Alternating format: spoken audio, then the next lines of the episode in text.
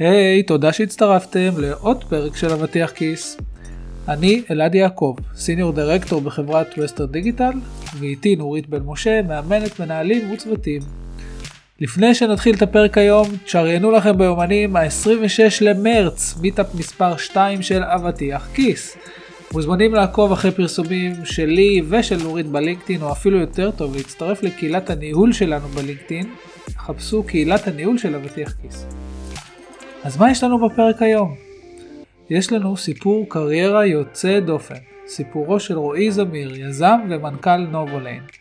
רועי, שהתקדם שוב ושוב בסולם הניהולי בקורפורט, החליט בגיל 38 לצאת לדרך יזמית עצמאית. אז איך בעצם עושים את הצעד הזה של לצאת לדרך שלך? מה הכוונה בלדייק את עצמכם, מה נדרש ואילו קשיים מצפים לכם וגם איך בסופו של עניין אנשים זה כל העניין. את הפרק הקלטנו במרכז החדשנות בבית ברל, מקום נפלא, באמת ירוק ודוחף לחדשנות בתחומי החינוך בארץ. אז יאללה, שתהיה האזנה נפלאה.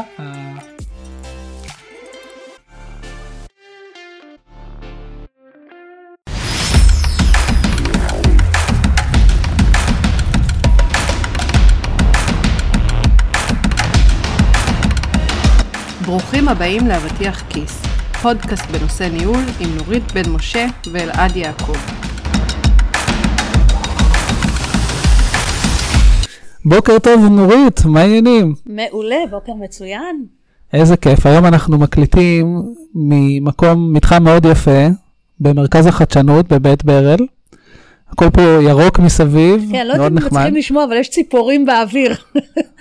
כן, ממש אה, אווירה פסטורלית. וזה הזמן להגיד להם תודה. ש... כן, תודה רבה על האירוח.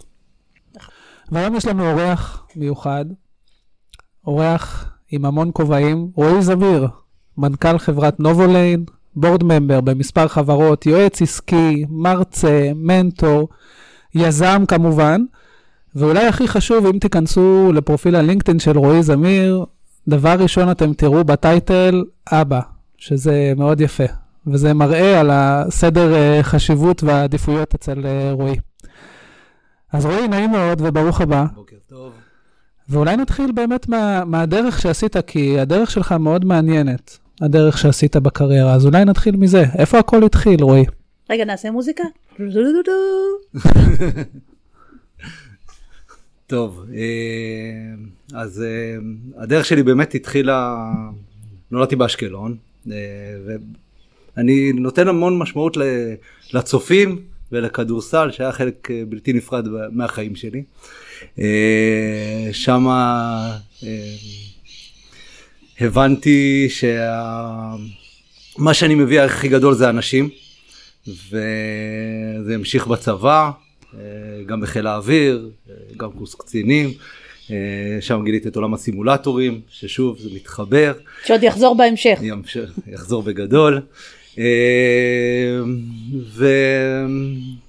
והקמתי משפחה, וכמו שאמרת, באמת אה, האבהות, ולהיות הבעל של תמי ואבא של ניצן, יפתח ואמיתי, זה הבסיס הגדול של חיי, משם הכל מתרכז, זה העצירה שלי, המיקוד שלי, הפוקוס.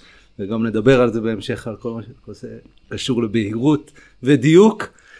אה, בהמשך אה, הייתי באלביט, הקמתי, הייתי שותף בהקמה של לא מעט של מרכזי מחקר וסימולטורים, מרכזי אימון אה, של סימולטורים. וזהו, בארבע שנים האחרונות הקמתי את נובוליין, שנובוליין מתמחה באפיון והקמה של מרכזי מחקר, חדשנות ואימון מבוססי סימולציה. אה, במקביל, כמו שהעולם החדש, אה, אני מאוד אוהב את, ה, את היום יום הזה, שאני יכול להיות גם בחברה שלי וגם אה, שותף בעוד חברות ולהוביל פיתוח עסקי, כמו שבטח חלקכם מכירים, את הקסדה וחברת BrainSpace ופעילות חברתית, וכיף גדול ומתרגש להיות פה. מדהים. אז אני, אתה יודע, אני ככה, תמיד מעניין אותי כשאני מדברת עם אנשים, זה לשמוע איך הפרקים השונים בחיים שלהם היו נבדלים, ומצד שני אולי גם איך הם קשורים אחד לשני. כי אני מאמינה שתמיד יש איזשהו חוט מקשר, גם אם הדברים נראים נורא נורא שונים. אז ככה בוא רגע נחזור, אני עושה לך קצת חיים שכאלה, מישהו עוד יודע מה זה התוכנית חיים שכאלה. הצבא, מה אתה חושב, למשל, אתה יודע, אנחנו, הרבה אנשים עוברים את הצבא, חלק יותר אהבו, חלק פחות אהבו, חלק אומרים בזבוז זמן, חלק הרווחנו מזה. מה היה הצבא מבחינתך בהתפתחות המקצועית? אה, הצבא, בכלל, אנחנו בחיים בהמון צמתים. הצבא בעיניי זה צומת אה, מדהים לבוא ולהתחיל את הכל מחדש. בלי פרדיגמות, לא מכירים אותך לפני, ומבחינתי זה אפילו היה אקט של גילחתי את השיער, ג'י.אן.ג'ן כזה, ו... והגעתי ופתאום להגיע למקום חדש, אה, עם תפיסות חדשות, אה, מאוד התחברתי, התחברתי לתרבות של חיל האוויר, אה, ו... וגיליתי את עצמי ממקום אחר. שמה חדשים. היה המיקוד המקצועי שלך לאורך השנים? אז זהו, אני, אני לא יודע למה, אבל ימים זה, אבל בכלל הלכתי ולמדתי אלקטרוניקה, מחשבים וחשמל. אה, אם אני מסתכל על זה ברטרוספקטיבה, זה לא משהו שהיום כנראה הייתי עושה, אז אני כן אוהב לעבוד עם הידיים וכן אוהב זה, אבל זה הבסיס שלי. אז uh, הגעתי לתחום הטכני, הגעתי לחיל האוויר לבמצה, שזה דרג ד' של חיל האוויר, ממש טכני ברמת הרכיב, ברמת ערף, הכי deep deep deep אה, של אה, טכנולוגיה. אה, אבל גם שמה, מהר מאוד אה, הבנתי שמה שמעניין אותי דווקא זה האנשים. החיבורים, אבל לא האלה של ה- בדיוק, לגמרי, כאילו, אז מהר מאוד הבנתי את העבודה ודי מיציתי. ואז הלכתי לאוטומט שלי, אוקיי, אם אני ממצה אז אני כאילו בסדר או לא בסדר, אבל אז היה לי מיין מדהים שם, מנהל, הוא שהוא היה מפקד גף, ואמר לי בוא תהיה קצת יד ימיני, והסתכלתי מטריציונית על הארגון ועזרתי לו הרבה. ו... יפה. אז רועי, אתה אומר שבעצם הצבא נתן לך מין מקום למצב את עצמך מחדש. כאילו, יכולת לבוא ולמצב את עצמך בצורה אחרת מאיך שמו- שהרגשת ממוצב קודם, לפני הצבא. מה בעצם הרגשת שצריך להשתנות? זאת אומרת, מה, מה שינית? בסוף, אה, בחיים שלנו, עוד פעם, גדלתי באשקלון, אני מאמין, וגם יש היום כבר מחקרים בנושא, שאנחנו הממוצע של חמישה אנשים שהם סביבנו. אז בסוף, אם אתה גדל באזור שאתה רואה סביבה מסוימת, אז זה משפיע עליך, משפיע על היכולות שלך, משפיע עליך על מי אתה, משפיע על תקרת הזכוכית שלך. אה, לימים אני מרגיש שאני שובר תקרות זכוכית, אני מדייק לעצמי לאן אני רוצה להגיע, עובד המון על הבינג שלי ומשם אני אה, פורץ, ואז זה הצבא זה די נותן את, ה, את המקום הזה, כאילו אנחנו בכלל כל הזמן סביב צמתים, אנחנו בכל מקום אה, מגיעים, אה, גם, גם בצבא, אתה מסיים טירונות, עושה קורס, מגיע לבסיס, עובר שלבים, לא משנה מה אתה עושה, אותו דבר בעבודה. אה, אתה בצמתי וכל פעם יכול אה, להתחיל. ואני עושה רגע ספוט על משהו שהוא בעיניי נורא נורא חשוב. הקטע הזה שהמון פעמים אנשים הולכים ללמוד משהו, ואז הם מגלים שהם לא מתחברים למשהו הזה, אבל אז יש מה שאנחנו קוראים בכלכלה הסאן קוסט. טוב, למדתי כבר איקס שנים וזה, אז אני אלך לעבוד בזה, ואני אמשיך ואני אמשיך ומתגלגלים, למרות שלא בא להם על מה שהם עושים. ודווקא אתה באת ואומר, זיהיתי, שאוקיי, עשיתי בחירה מסוימת, לא משנה למה, כי בבית, כי זה מה שחשבתי שנכון, כי הייתי צעיר. כשהבנתי שזה לא זה, היה לי את היכולת ואת האומץ לבוא ולהגיד, לא מתאים לי. אפשר לשים את זה בצד וללכת לעולמות שהם יותר נכונים לי. לגמרי, זה באמת זה, זה העצירה, זה משהו שהבנתי שיש לי אותו, זה היכולת לעצור ולעשות זום אאוט מהסיטואציה. זה קרה לי ב-2008, שהייתי בצבא כבר קצין, כבר בכמה תפקידים, והחלטתי שאני לוקח חל"ת וטס אה, לדרום אמריקה. ושם הבנתי שאני בכלל רוצה לצאת מהצבא, אה, בקורס גלישה. אה, וזה בדיוק זה, אגב גם התחלתי סמסטר, אחד הדברים שלא סיפרתי, כאילו, אבל אין לי תואר. אה, התחלתי סמסטר אחד של הנדסת תעשייה וניהול, והבנתי שזה לא בשבילי. אה, עוד פעם, כי מה שמעניין אותי זה ניהול אנשים, ו- ו- ומשם אני אבל מתקדם. גולש, אנחנו עוד לא מוסיפים ל title שלך, לא, נכון? גולש לא הגעת. למרות אשקלון, למרות הים, זה לא גולש לא. אני חושב שזה בכלל אה, משהו שמאוד בולט בק... לאורך הקריירה שלך, לאורך החיים שלך, הנקודות האלה שבהם אתה מחליט ללכת, אה, לא יודע, כמו שאתה אומר, עם ה being, עם הלב, ולאו דווקא עם הסטטוס קוו, עם ה... הנה עשיתי דרך, אני אמשיך באותה דרך, אתה, אתה עושה הרבה challenge. אה, ובאמת אנחנו רואים את זה גם קדימה עם, ה... עם הקריירה שעשית באלביט, ואחר כך שבעצם יצאת ב- מאלביט. כן, אז באמת הגעתי לאלביט, שוב, כל הזמן אמרו לי שאני בנישה, עולם סימולטורים, עולם סימולטורים. היום אפשר להגיד שעולם הסימולטורים... העולם הפך להיות נישה. בדיוק. אה, אז זה באמת אה, 20 שנים, 22 שנים וואו. שאני כבר בתוך העולם הזה, אז אני מרגיש אה, כבר ותיק בעולם הסימולטורים. אה, אגב, ואני שנייה פותח סוגריים, זה באמת בעולם שנהיה מאוד טכנולוגי, וכולם מדברים בינה מלאכותית, וכולם מדברים זה, הערך הכי גדול זה אני מביא את הצד האנושי, את הצד של ההקשבה, את הצד של ההבנה, שאני יודע להביא את האנשים הכי חזקים בתחום, בגלל שאני באמת כן, אבל אני, מנהל- אגיד, אבל אני אוסיף וב- משהו לזה, כי כן. אתה גם מבין את הטכני. זאת אומרת, אתה מדבר שני עולמות. אתה לא חייב לעסוק בעולם הטכני, אתה יכול להיות סביבו יותר, מהמם. ובאמת אתה אומר את האנשים, את הפיתוח העסקי, חשיבה אסטרטגית, אבל אתה כן יודע לחבר, ואני חושבת שזה משהו שהוא כן מאפיין, לפחות איך שאני רואה בתקופה הזאתי, אתה כבר לא יכול להיות רק כאילו ב silo שלך, נכון. המון פעמים. לגמרי. זה, זה ללמוד את, את שתי העולמות, אבל אה, לא להיכנס. השאלה תמיד זה פה המתח, כמה אתה נכנס עמוק. אז אם אני בא מעולם הטכני ואני מהנדס, אז מתי אני משחרר? אם אני הופך להיות פתאום product, אם אני הופך להיות ראש קבוצה, אז כמה אני נכנס עמוק לדברים. דווקא המקום הזה, שאני מהר מאוד זיהיתי, אוקיי, למדתי חשמל, אלקטרוניקה, מחשבים, אבל אני מאוד אוהב אנשים, והדרכתי בצופים, ואת... אז באמת מהמקום הזה הבנתי כמה אני רוצה להיכ... להבין מאוד בגדול את התהליכים, אבל יש אנשים שעושים את זה הרבה יותר טוב ממני, זה גם סוג של מבזבז לי את הזמן, כי אני אוהב לחלום, ואני אוהב, אה, וזה מה ש... שזה מדהים, זה גם מה שדיברנו עליו בפרקים קודמים, על כל עניין הדלגציה, ואיך אני כמנהל, אתה בעצם היית מנהל באלביט ו- וצמחת שם.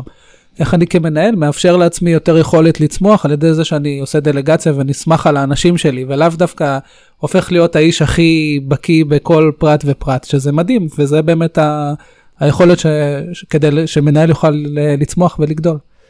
אמ, אז אתה בעצם ממש טיפסת וטיפסת ב- בעץ הניהולי באלביט, והגעת לתפקיד אה, מאוד בכיר, ובאיזשהו שלב החלטת שאתה יוצא לדרך עצמאית.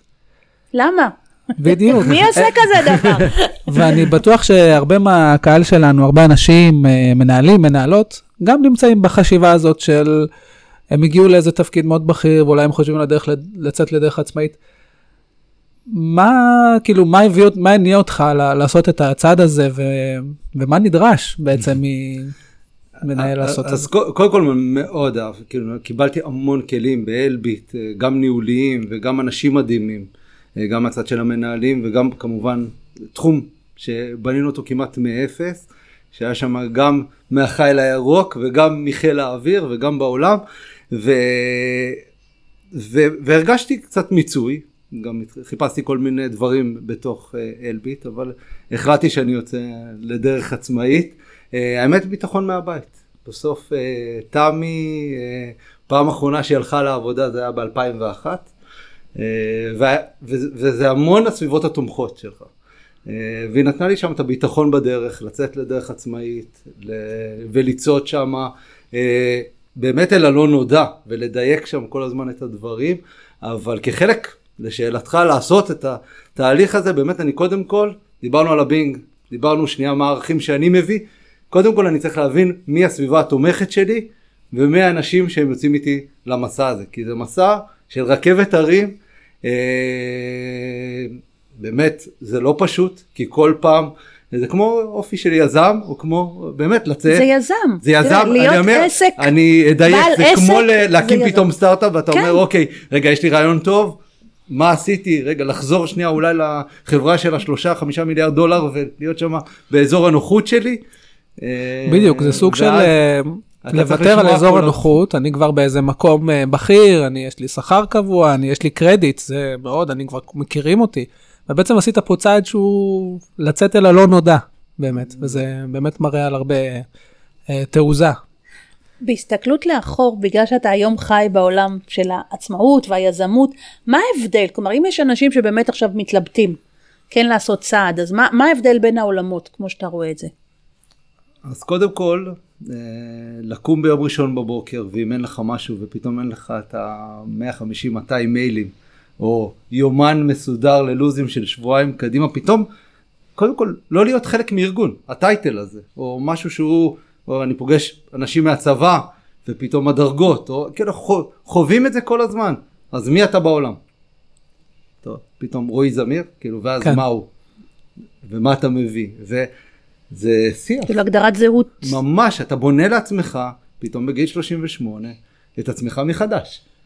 ושיש בזה, עוד פעם, אה, שכבר יש לך משפחה וילדים ו- ו- בדיוק, ומשכנתה, ומחויבויות ו- וזה, זה כן. נשמע תהליך הכי לא טבעי מצד אחד, אבל מצד שני, אם אתה בונה לעצמך את הבסיס הנכון, וכמו שאמרת, האבא, כאילו באמת זה משהו שהוא חשוב לי כל כך, האבהות, ומשהו שלא היה לי. ולעשות את התיקון הזה, אז uh, זה מין תהליך כזה ששוב, אני תמיד אחזור לזה, לסביבה התומכת, ולאשתי תמי, שהיא חלק בלתי נפרד בתהליך הזה, ומשם אנחנו מתקדמים. אז איך אבל, איך, איך עושים את הצעד הזה? כלומר, אוקיי, החלטת שאתה רוצה להיות, עצ- מאיפה זה מתחיל? אתה יודע, כשאמרת דבר נכון, אמרת על המיילים, אבל חשבתי על זה, שביום, כשאתה פותח ביום ראשון את היומן שלך, גם יש לך כבר ישיבות, כמה שאתה מקטר, כבר מישהו סידר לך את הלו"ז, אתה. כבר יודע מה אתה אמור לעשות. אגב, זה מגיע גם ממקום שצריכים אותי. אני חושב שזה שאלת השאלות שלנו כבני אדם, הערך שלי. הערך שלנו, ובואו, נו, כיף לנו שצריכים אותנו. אז גם לצאת מארגון, אז פתאום, רגע, צריכים אותי, לא צריכים אותי, אז יש הרבה אי ודאות. לגמרי. ומצד שני, שוב נחזור למה שאמרנו על הצבא, ונחזור על צמתים. אתה יכול שנייה להתחיל, להתחיל מחדש, וגם לבחור, כי יזם בסוף זה אופי. זה לא משנה אם בצופים, להיות uh, מדריך חטא או ראש ועדת מפעלים, או אחר כך uh, בצבא, uh, אתה חניך תורן, או אתה ועד בית. זה כנראה מין uh, אופי כזה, שאתה מגיע למקומות ומסתכל על הדברים אחרת.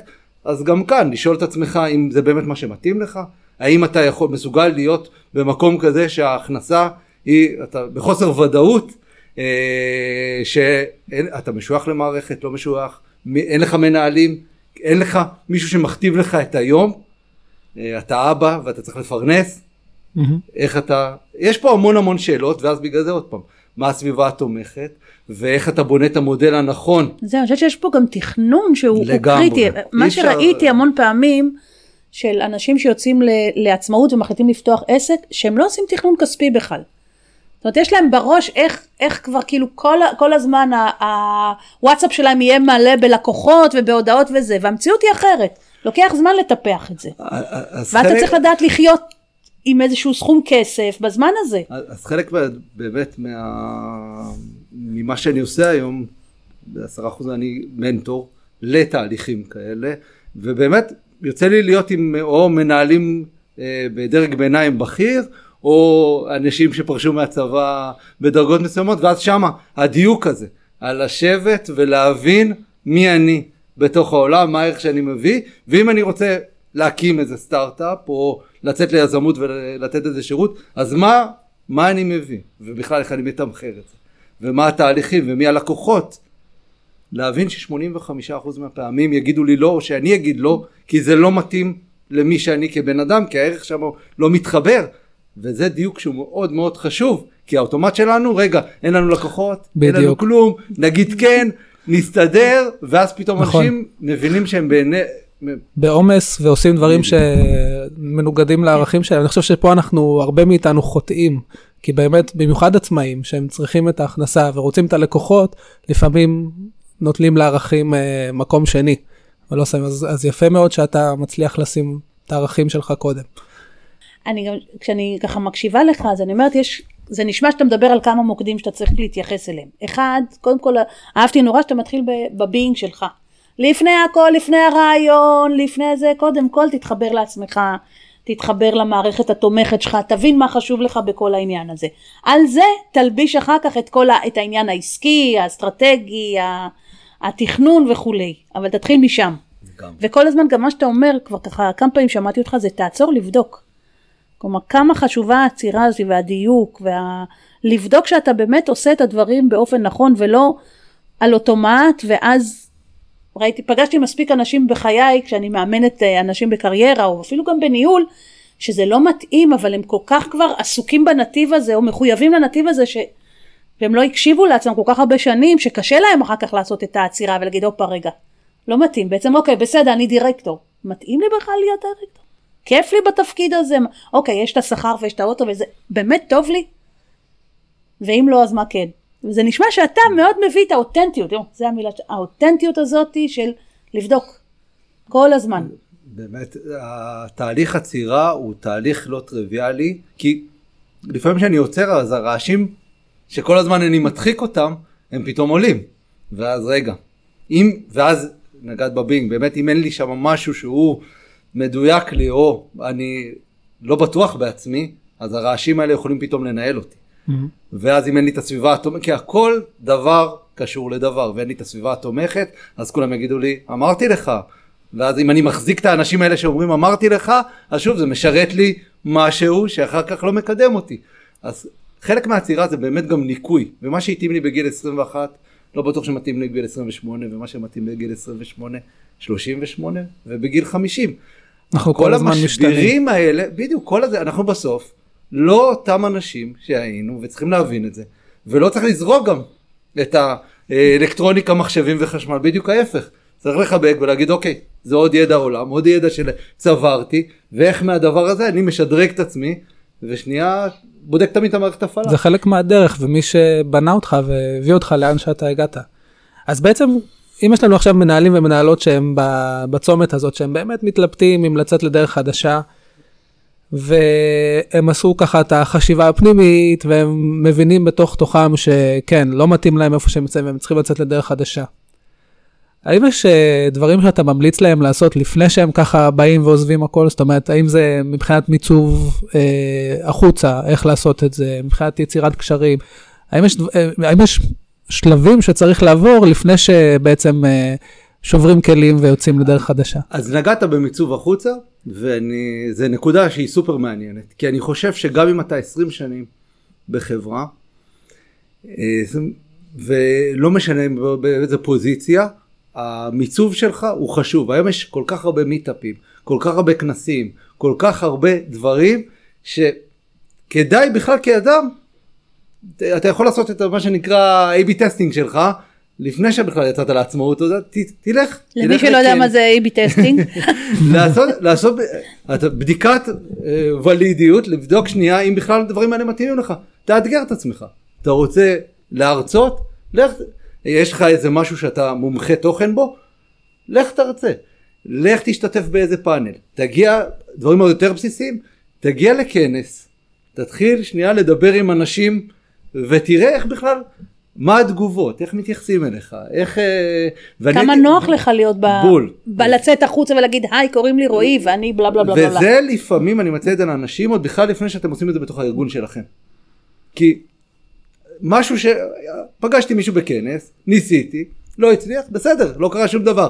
עשיתי את זה בתוך הארגון שלי, אני, יש שם את החששות איך אני נתפס, יש המון דברים של שיחות אה, פנימיות שיהיה לנו עוד, ואז אנחנו לא נגיע גם טבעי לשיח הזה, אז אני הייתי מתחיל מזה. אני חושבת שיש שתי נקודות שאתה אומר שאני רגע עושה עליהן ספוט.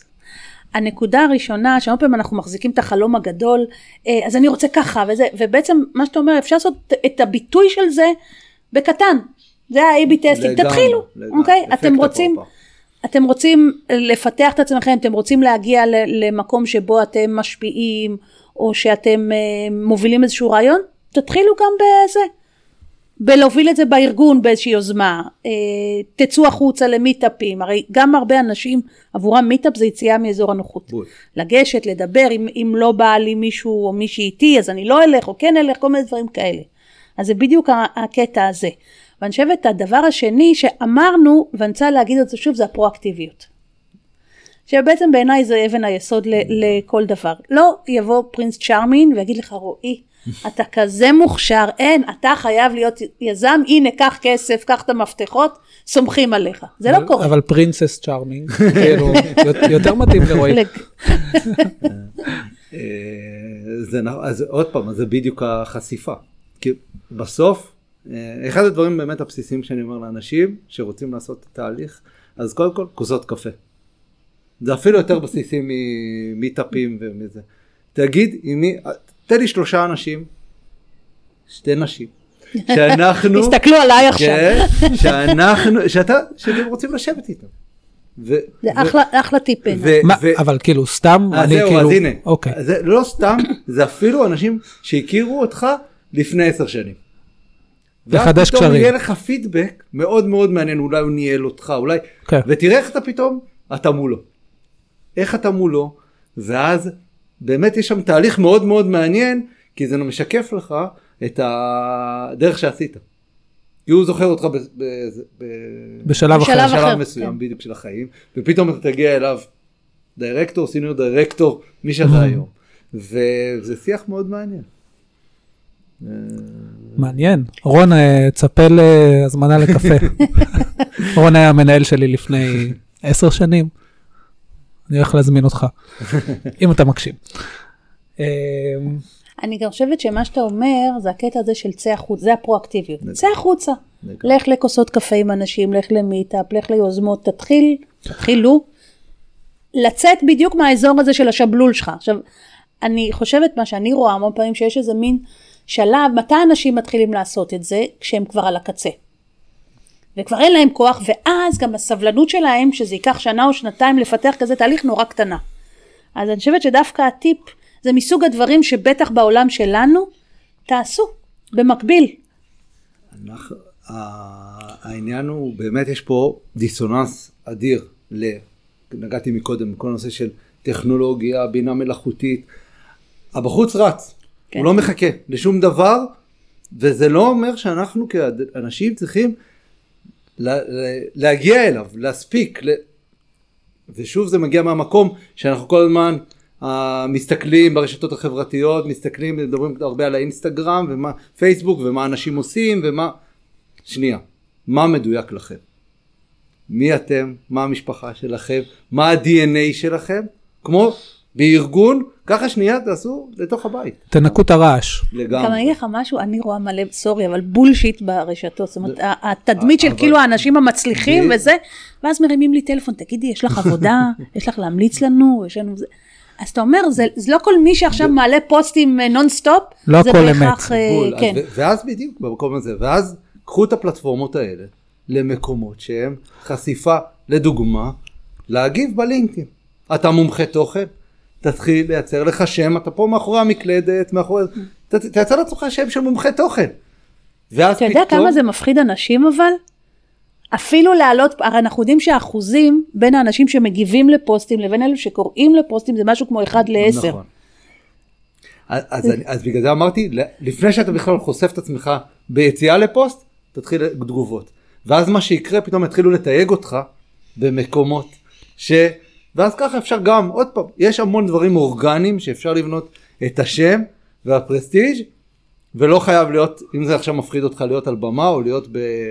אה, מיטאפ או... אני רוצה לחזור לכוסות הקפה, כן. או תה, מי שאוהב תה, גם- גם בסדר, כאילו בתור אה, עיראקי אה, אני, קפה. אני בטוח אנחנו שהרבה, לוקחים שלוק פה. אני בטוח שהרבה אנשים ששומעים אותנו אומרים, כן, אבל אין לי זמן, כאילו, למי יש זמן עכשיו להיפגש לכוסות קפה? אז איך, איך הצלחת למצוא את הזמן הזה לכוסות קפה, בכל הטירוף הזה של החיים? אני חושב שזמן זה שיחת, זה תוצאה. אה, אין, אין לי זמן, זה עוד פעם, מה, מה שחשוב. אה, דוגמה שהייתי נותן פעם, עוד בצבא, אני בגיל מאוד צעיר אה, פיקדתי על נגדים. וכל פעם, גם אין לי זמן, ועוד לא הבנתי בכלל, הייתי בן 24, 25, לא לא היית במקום ילדים שלהם, כן. אבל, ואז אין לנו זמן, אין לנו זמן, ואז הייתי אומר, ואם עכשיו חס וחלילה הילד שלך חולה, עכשיו מקפיצים אותך מהגן, יש לך זמן? הרי כל מה שיש לך עכשיו בלוז, פתאום הופך להיות הבל הבלים. אז כתבתי פעם פוסט על הדבר הזה, למה באבל ובעצב ובכל מיני דב- דברים כאלה שבאמת, מה שנקרא, המצפון שלנו שלם איתו, אנחנו עוצרים הכל ומפסיקים, ואנחנו לא חוגגים את השמחות שלנו. אז זה הזמן, הזמן הוא בסוף, זה דברים, אם אנחנו נבין שזה חשוב לנו, וזה מספיק, זה מקדם אותנו, או זה חלק מתהליך שחשוב לנו כאנשים, אז אנחנו נמצא אותו. מבחינתי הוא באמת... אה, אתה יודע, ואתה דיברת והתחלתי לחשוב על המתח שקיים, כי כאילו מצד אחד אנחנו אומרים תהיו בחוץ, לכו ללינקדין או לכו לרשתות, תעשו דברים. מצד שני אתה בא ואומר, תהיו נורא מחוברים לעצמכם, ותייצרו קצת שקט. ובאמת תשאלו ו- ותצליחו לשים לעצמכם את השאלה, מה חשוב לי? ואיפה אני רוצה לחלק, איך אני רוצה, ועל מה אני רוצה לחלק את הזמן שלי. אחד הכותרות באמת לדבר הזה, כל התקופה הזאת, זה mindset. כאילו, מה ב mindset שלנו בסוף, אה, שוב, ניגע במערכת ההפעלה. ומבחינתי זה שם... מדהים. אני חושב שמי שיסתכל על הקריירה שלך ויסתכל על כל הדרך שעשית והבחירות שעשית, יכול לבוא ולהגיד, וואלה, כאילו, רועי פשוט היה לו מזל, הוא פשוט אה, קרא שהוא היה במקום הנכון בזמן הנכון, אבל זה לא משהו שאני יכול להגיע אליו. זאת אומרת, זה, זה הרבה פה נשען על מזל, או שזה לא מזל, זה, זו השאלה. אז אני אתן עכשיו את הדוגמה שקורית לי בשבועיים האחרונים. אני החלטתי שאני יוצא בהרצאה שנקראת אנשים זה כל הסיפור. מי ששומע עכשיו את הפודקאסט גם מניח, מבין למה אני רוצה לצאת בהרצאה כזאת, כי זה משהו באמת אה, שאחרי ארבע שנים שאני בעצמאות ואני מבין כבר שבאמת עברתי דרך, אז אני רוצה, אני, אני מרצה היום לבני נוער ומרצה בכל מיני מקומות על מסוגלות ומזמינים אותי כל פעם להאקתונים ואני שופט בכל מיני מקומות, אה, אבל זה בדיוק העניין הזה. העניין הוא שהתחלתי לדבר על זה, יש לי שם להרצאה. אנשים זה כל הסיפור, והתחלתי לדבר את זה, שאני עובד על הרצאה, שאנשים, ובשבוע האחרון כבר קיבלתי שתי הזמנות, ותהיגו אותי בשישה פוסטים. שקשורים. ש... שקשורים ל... הנה מחפשים. אה, זאת אומרת זה לא מזל, אתה אומר אתה מייצר לעצמך את ההזדמנויות. זה בדיוק זה. שוב, זה מגיע מהמקום של העצירה, דיוק, בהירות, ומה אני רוצה. אנשים לא... אם תשאל בן אדם... אז גם, מה זה הקשרים? הקשרים זה, שוב אמרתי, בעולם של טכנולוגיות ובינה מלאכותית וזה, הערך שאני מביא, אני באמת מקשיב לאנשים. אני באמת יודע שאני מדבר עם איתך ואני מדבר עם אל, אלעד, אני באמת יודע מה הוא עושה, מה עובר עליו, זה מעניין אותי. והבנתי שהעניין הזה, גם אחר כך, נורית, יום אחד אני אתקשר ואני אגיד לך, את שומעת בדיוק, היה תהליך מסוים, את שומעת בחברה הזאת הזאת, ואני אגיד לך, אני מחבר אותך למנכ"ל, רגע, הוא איתי בשיחה השנייה, וככה אני עושה לאנשים. אנשים כבר שמכירים אותי יודעים שאני... אתה קונקטור. אה, סופר קונקטור. בין השאר, אני מאוד אוהב את המפגש הזה. הכל התחיל אבל מהזה, מהאלקטרוניקה. מהבדיל. אני חושב שזה באמת הטיפ הכי גדול פה לאנשים, זאת אומרת, איך אתם מייצרים לעצמכם הזדמנויות החוצה, איך אתם, איך אתם פותחים את העולם הזה.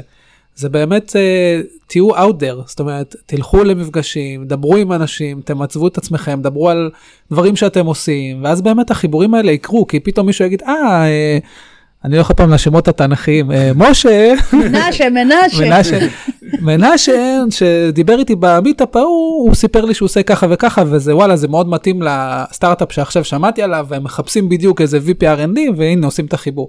זה ממש ככה, זה ממש תהיו שם, תהיו שם בחוץ, תדברו עם אנשים, ת, תספרו על עצמכם, ו, ובאמת זה, זה מה שייצר לכם את ההזדמנויות קדימה.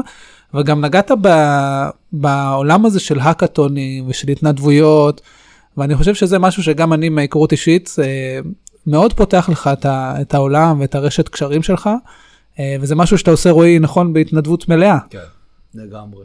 אני כבר שזה מאוד יפה. ארבע שנים אה, משתתף בכל מיני תוכניות, אה, וגם אה, משרד החינוך, וגם זה תוכניות של אדסטארט וסטארט-קאפ, שעדיפות הסטארט-אפים בבני נוער, והקוטיזם, וגם יצאו לי חברויות מדהימות משם, ואני מלווה גם מיזם מקסים כבר שלוש שנים שנקרא משלבים ידיים, של שתי יזמיות מדהימות. ש...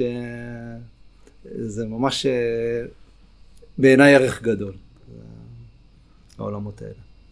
יפה מאוד. אז אם אנחנו ככה צריכים לסכם, אני אגיד מה אני לוקחת מהשיחה הזאת איתך, בסדר? ואלעד אתה תצטרף אליי. אה, אחד, את הנושא הזה של הדיוק העצמי. החיבור לעצמך, לדעת מה אתה רוצה, מה חשוב לך, להשקיט רגע את כל הרעשים מסביב, ובאמת להסתכל פנימה, קודם כל, לפני שאתה עושה צעדים. הדבר השני שדיברנו עליו זה, זה לתת, לעשות כל מיני, להיות פרואקטיבי ולא לחכות שדברים יקרו, אלא תמיד להוביל את העניין, בטח בענייני קריירה היום, בטח, אני חושבת שכל הזמן ההזדמנויות אה, נפתחות ודברים קורים, להיות שמה, להיות שמה ברשתות, להיות באירועים, להיות גם בהתנדבויות. אתה יודע, זה, זה מחזיר אותי, רגע, אני שמה סוגריים, כשגרתי כמה שנים בארצות הברית, ואני זוכרת שזה נורא הצחיק אותי הקטע הזה שאנשים כותבים ב-CV שלהם שהם היו ב-PTO, כאילו בוועד ההורים. אוקיי. אתה יודע, עכשיו, כאילו, אני מה, הייתי בגן, הייתי בעל, כאילו, כל הזמן הייתי, ולא חשבתי בכלל לשים את זה, אבל כשאתה חושב על זה רגע, יש שם מיומנויות שנוצרות. אז בסדר, אנחנו לא נלך, אני מקווה, שלא נלך למקום שאת זה נכתוב, אבל, אבל בדיוק כל הדברים האלה, החברתיים, ההתנדבותיים, הם גם דרך, לא רק לקשרים, אלא גם לפיתוח מקצועי. לגמרי. ולמימוש עצמי. לגמרי. וזה נתיב שהרבה פעמים הוא זמין וטוב, ועושה טוב לכולם, לך ו- ולחברה. ו- וזה גם, אתה מוצא שם את קבוצת השווים שלך. זה מאוד מעניין, כי בסוף, אם זה מה שמעניין אותך, וזה עולמות שאתה הולך אליהם, אתה שם פוגש את האנשים שהם ב-DNA שלך. שלך. ולא משנה אם זה מנכ"לים, או מנהלים, בין, מנהלי ביניים, או לא משנה מה. אתה, יש שם שיחות מאוד מעניינות, ויוצא חברויות, ויוצא קשרים, ויכול להיות אפילו...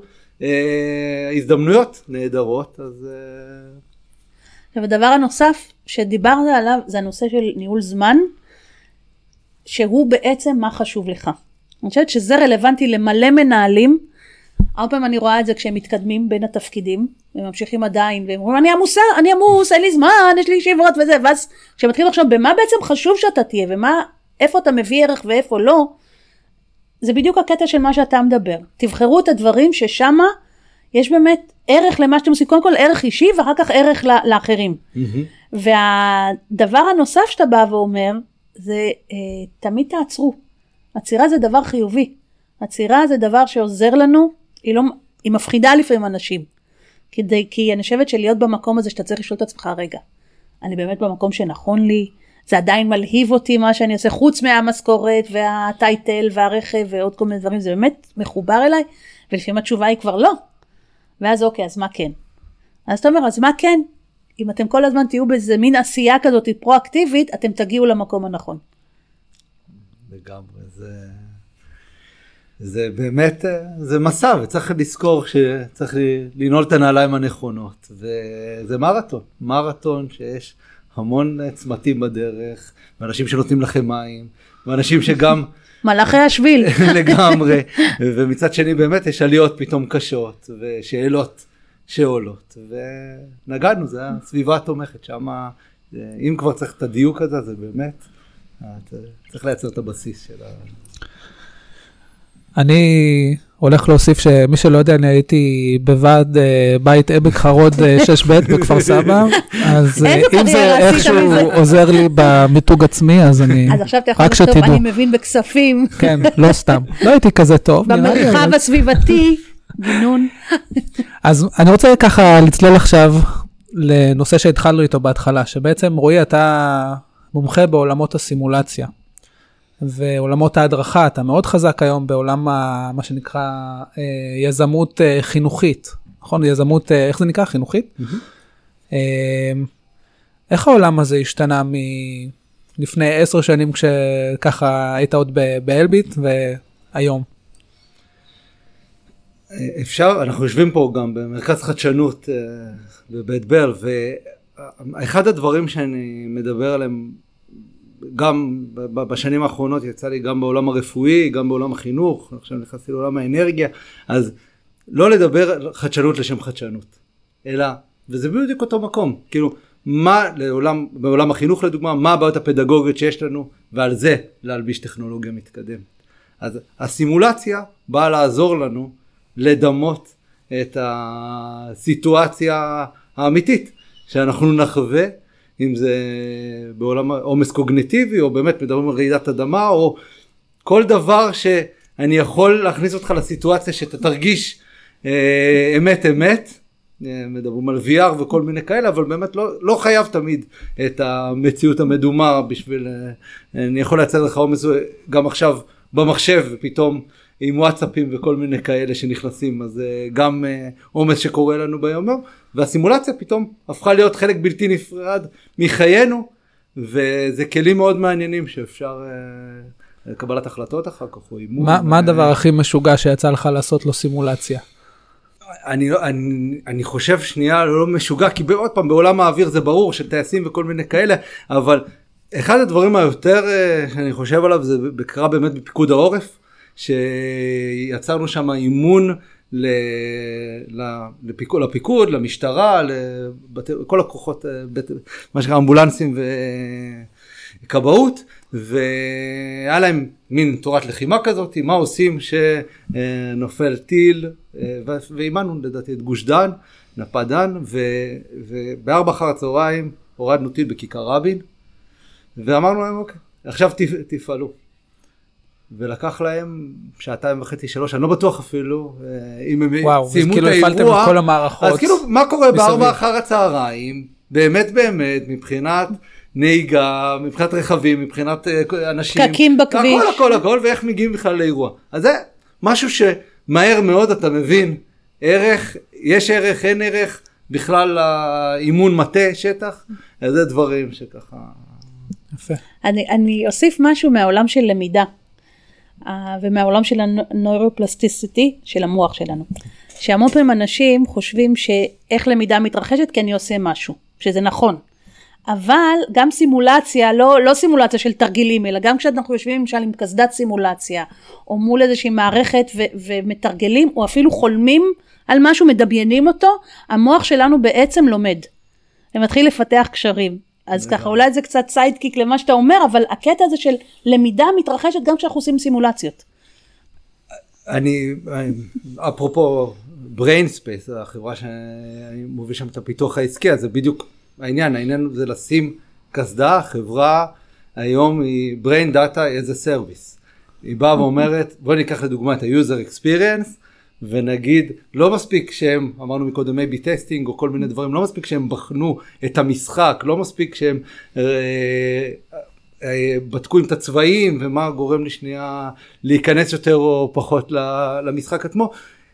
מה שמה במוח יש שם הקשרים מאוד מאוד מעניינים של אה, יוצר לי עומס לא אני אינגייג' לא או כל מיני דברים ש... אתם מודדים אזורים במוח? פעיל, כן, פעילות? לגמרי. וואו. מדהים.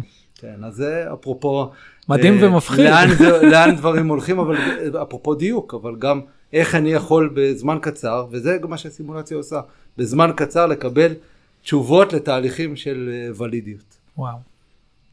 וואו. טוב, אני חושב שיכולנו לדבר עם רועי עוד הרבה. אני חושב שאני ככה מכיר את רועי גם uh, מהחיים האישיים, ובאמת, יש אינסוף uh, סיפורים מעניינים של uh, רועי וחברות שרועי עובד איתם, נכון? Uh, הייעוץ העסקי שלך הוא לא רק בתחום הסימולטורים, נכון? הוא... לגמרי. איפה אתה נמצא באינסטגרם? זהו, אני, זה, זה קטע, אבל באמת אני מה- מהראשוני, מהראשונים, יש לי אינסטגרם עוד אה, 13 שנים אחורה, אבל והוא באמת, צלם אה, מהמם, תדעו. כן. אה, נכון.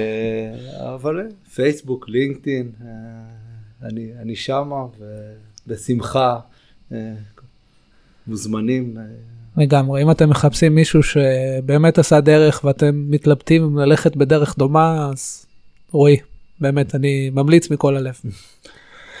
תודה רבה לכם, מקווה שנהנתם, ונתראה בפרק הבא. ביי. ביי